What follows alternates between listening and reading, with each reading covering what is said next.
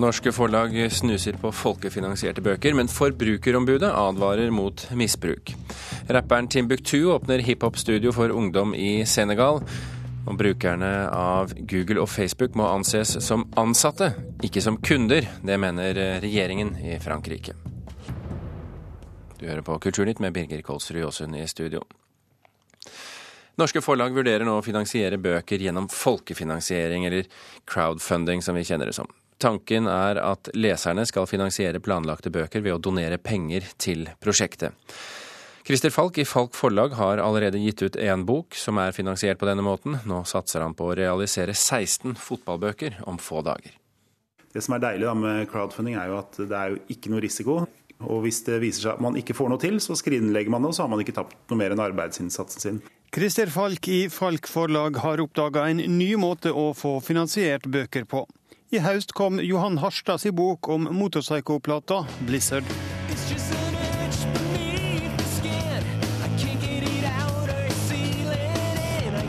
For å kunne trykke ei eksklusiv, signert og nummerert utgave av boka, trang de 30 000 kroner. De fikk samla inn over fire ganger så mye. Nå er Falk i gang med et nytt prosjekt. Hvert lag i Tippeligaen skal få sin egen bok, finansiert av supportere. Lillestrøm, Haugesund og Sogndal er fullfinansierte, men Falk tror at nesten alle skal bli realisert før fristen går ut på torsdag. 16 bøker tror jeg blir vanskelig. Jeg håper jo fortsatt at vi skal klare Sandnes Ulf på et eller annet vis. Men det er jo fortsatt eh, noen dager igjen, og klubben er plutselig blitt litt på glid. Så vi får se hva vi får til. Men eh, i hvert fall 15 bøker er jeg ganske sikker på at vi får til. I USA blir bl.a. filmer, musikkinnspillinger og bøker finansiert ved at forbrukerne betaler før produksjonen blir satt i gang. Det høres ut som en eh, interessant eh, finansieringsmetode, hvor eh, forbrukeren kan være med å påvirke direkte hva han ønsker av produkter. Også fagdirektør Petter Ravne Bukten ved Forbrukerombudet er positiv til den nye måten forbrukerne kan påvirke på. Men han advarer mot at crowdfunding kan misbrukes. Det som er viktig, er at det er god informasjon om hva det dreier seg om. Altså hva pengene skal brukes til, hvor mye penger det er snakk om. Eh, hva som skjer hvis det ikke blir noe av, om du får pengene dine tilbake. Eh, og så ser vi også det at eh, det kan jo være potensialet for useriøse aktører å utnytte sånne konsepter til å lure forbrukere. Direktør Kristen Einarsson i Den norske forleggerforening har et langt arbeidsliv i bokbransjen. Han synes finansieringsforma verker spennende.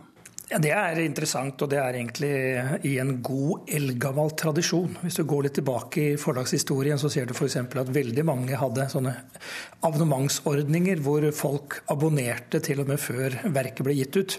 Så, så det, er vært, det, er mange måter å finansiere en bokutgivelse på, og det crowdfunding er spennende. Et av forlagene som nå vurderer å teste ut folkefinansierte bokprosjekt, er Kagge forlag. Forlagssjef Anne Gåthaug tror de kan ha et prosjekt klart i løpet av året. Vi har så vidt begynt å snuse på det, uten at jeg skal fortelle hva slags prosjekt vi, eh, vi skal eh, prøve oss eh, på. Men det er jo en veldig besnærende tanke da, å kunne se for seg at grunnkostnadene er fullfinansiert før boka i det hele tatt eh, lages. Men crowdfunding gir også forbrukerne mer makt? For det første så får vi jo veldig tidlig eh, et signal på hvorvidt eh, dette er en bok folk vil ha eller ikke, og det er kanskje det morsomste. En annen ting er jo at man kan kanskje tørre å lage smalere utgivelser, som man ikke har turt tidligere pga. kostnadsnivået. Og reporter her, det var eh, Espen Alnes.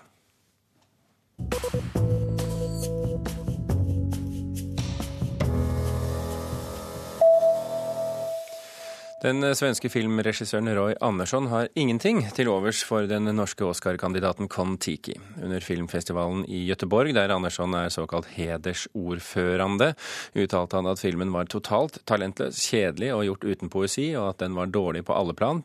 Klipp, rytme, skuespill, alt sammen. Det skriver uh, avisen Dagens Nyheter i helgen. Andersson er kjent for den kritikerroste filmen 'Sanger fra annen etasje', og han selv regner med å vinne Gullpalmen i Cannes for sin neste film, som har fått navnet En duva satt på en gren og funderade på tilvaron. En av Norges største operasangere, Åse Nordmo Løberg, døde fredag, 89 år gammel. Løberg gjestet store scener både i Europa og USA var professor ved Norges musikkhøgskole og sjef for Den norske opera. Det internasjonale gjennombruddet hadde Åse Nordmo Løberg ved Wien-operaen i 1957.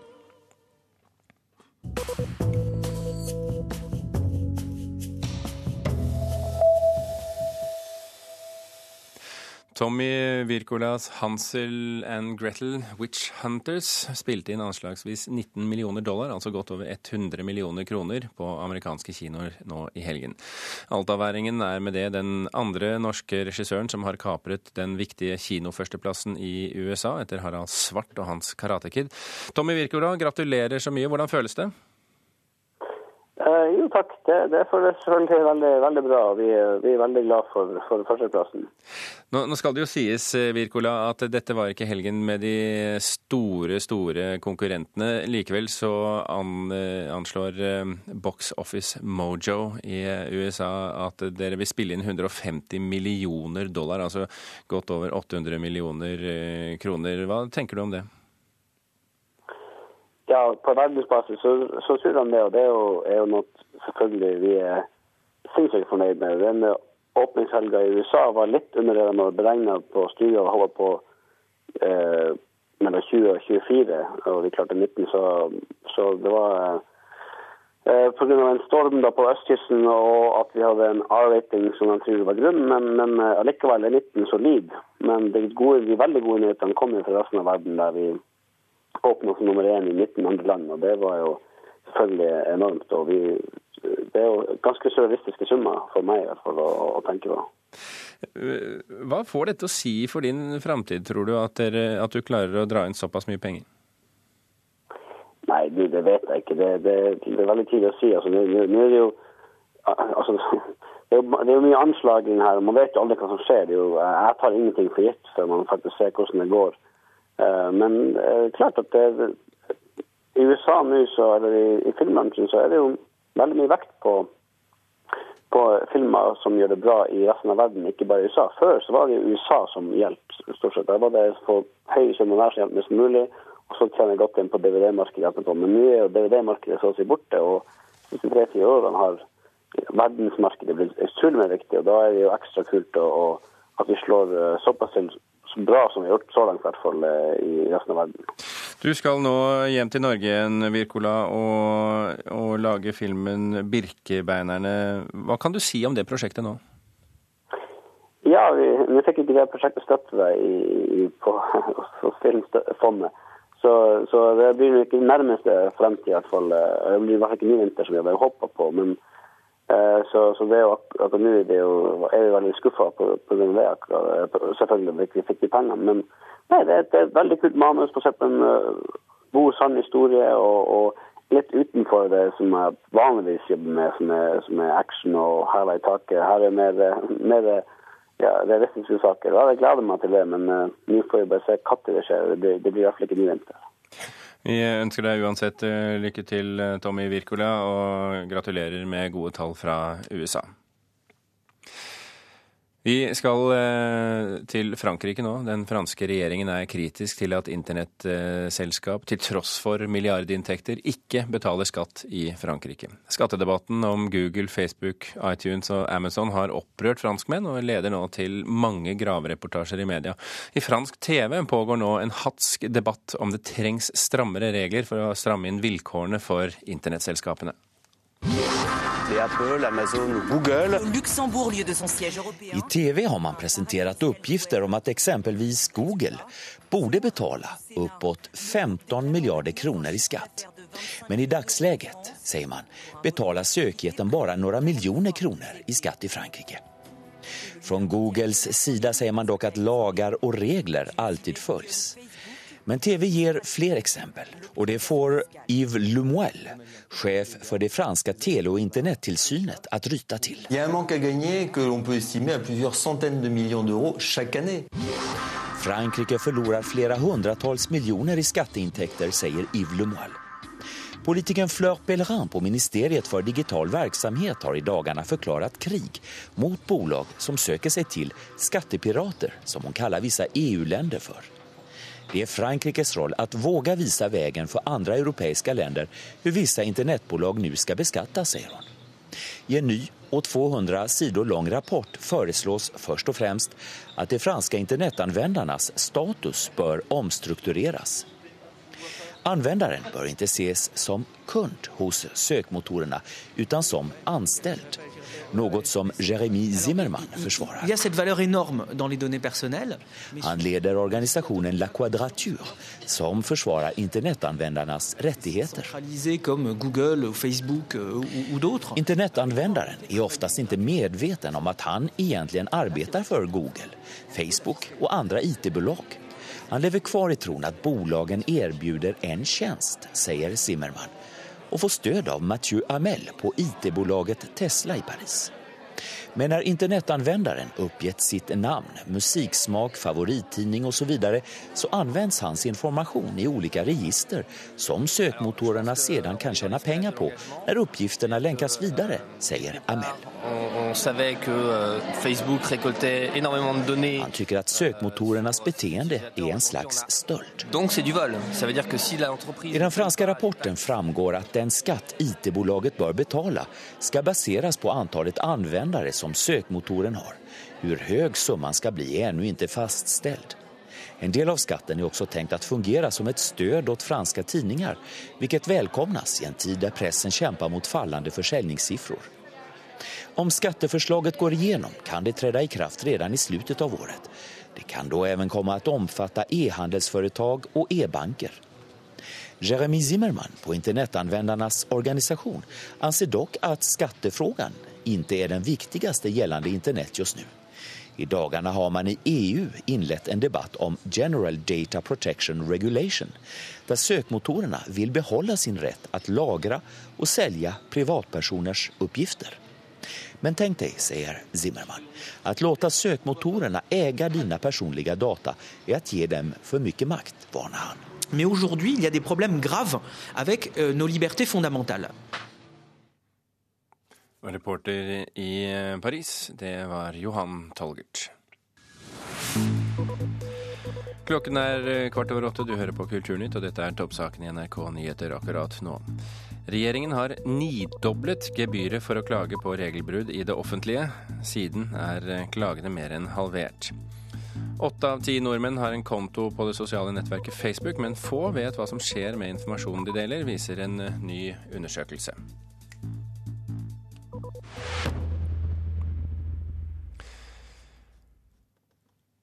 I dag åpner et nytt musikkstudio for ungdom i Dakar, hovedstaden i Senegal.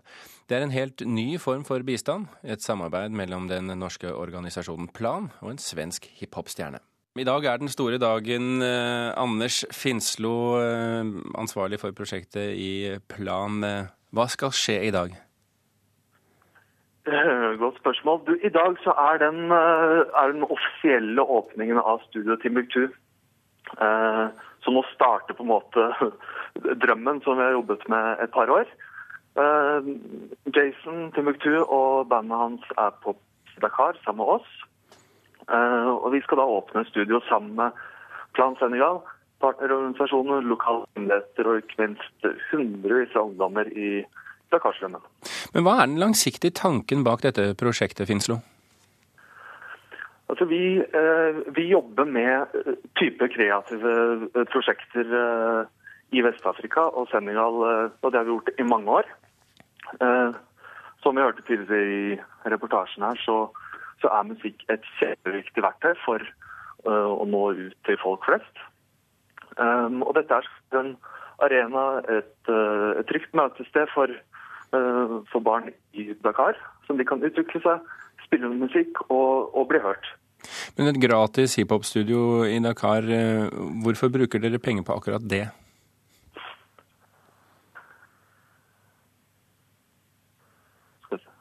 Hei. Finslo, er du med oss? Ja. ja. Dette med et gratis hiphop-studio i Dakar, hvorfor, eh, i, i Dakar, hvorfor penger på akkurat det? Jeg tenker at barn må få lov til å være barn i et uh, fattig område som, som, Dakar også. Uh, og det er, altså, det er opplevelser, musikk, uh, samvær som gjør en til den man er.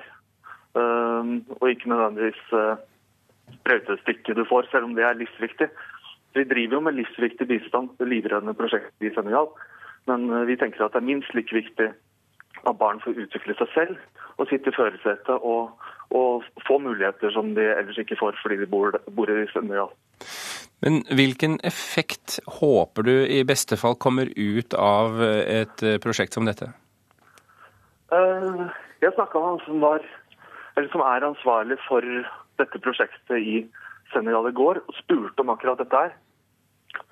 Og det han sier, det er at vi allerede ser positive resultater når, når barn skriver musikk og, og når ut til, til, befolkningen med det. For de synger ikke om ølbriller og kjærlighetssorg. De synger om ting som opptar dem, og de synger om forandring. Hva slags respons Ja, unnskyld, fortsett. Nei, I går så, så var jeg innom og bare sjekka litt. Uh, og da var det en liten gjeng ungdommer som hadde dukka opp i studio der. Og jeg skjønner jo ikke fransk Olof, så jeg visste ikke hva de sang om. Men jeg spurte, og da sang de om det der at de er født som jenter, og foreldrene skulle ønske de var gutter. Og så synger de om konsekvensen av å være, være jenter i Dakar. Om å bli gifta bort, om voldtekt, om pedofili. Dette er ting som de ønsker å få forandring på. Um, og de mener at musikk er et viktig verktøy for å spre informasjon og for å få de forandringene de ønsker. Offisiell åpning, studio Timbuktu i Dakar i dag. Eh, Anders Finslo i Plan, lykke til, og takk skal du ha for at du var med i Kulturnytt.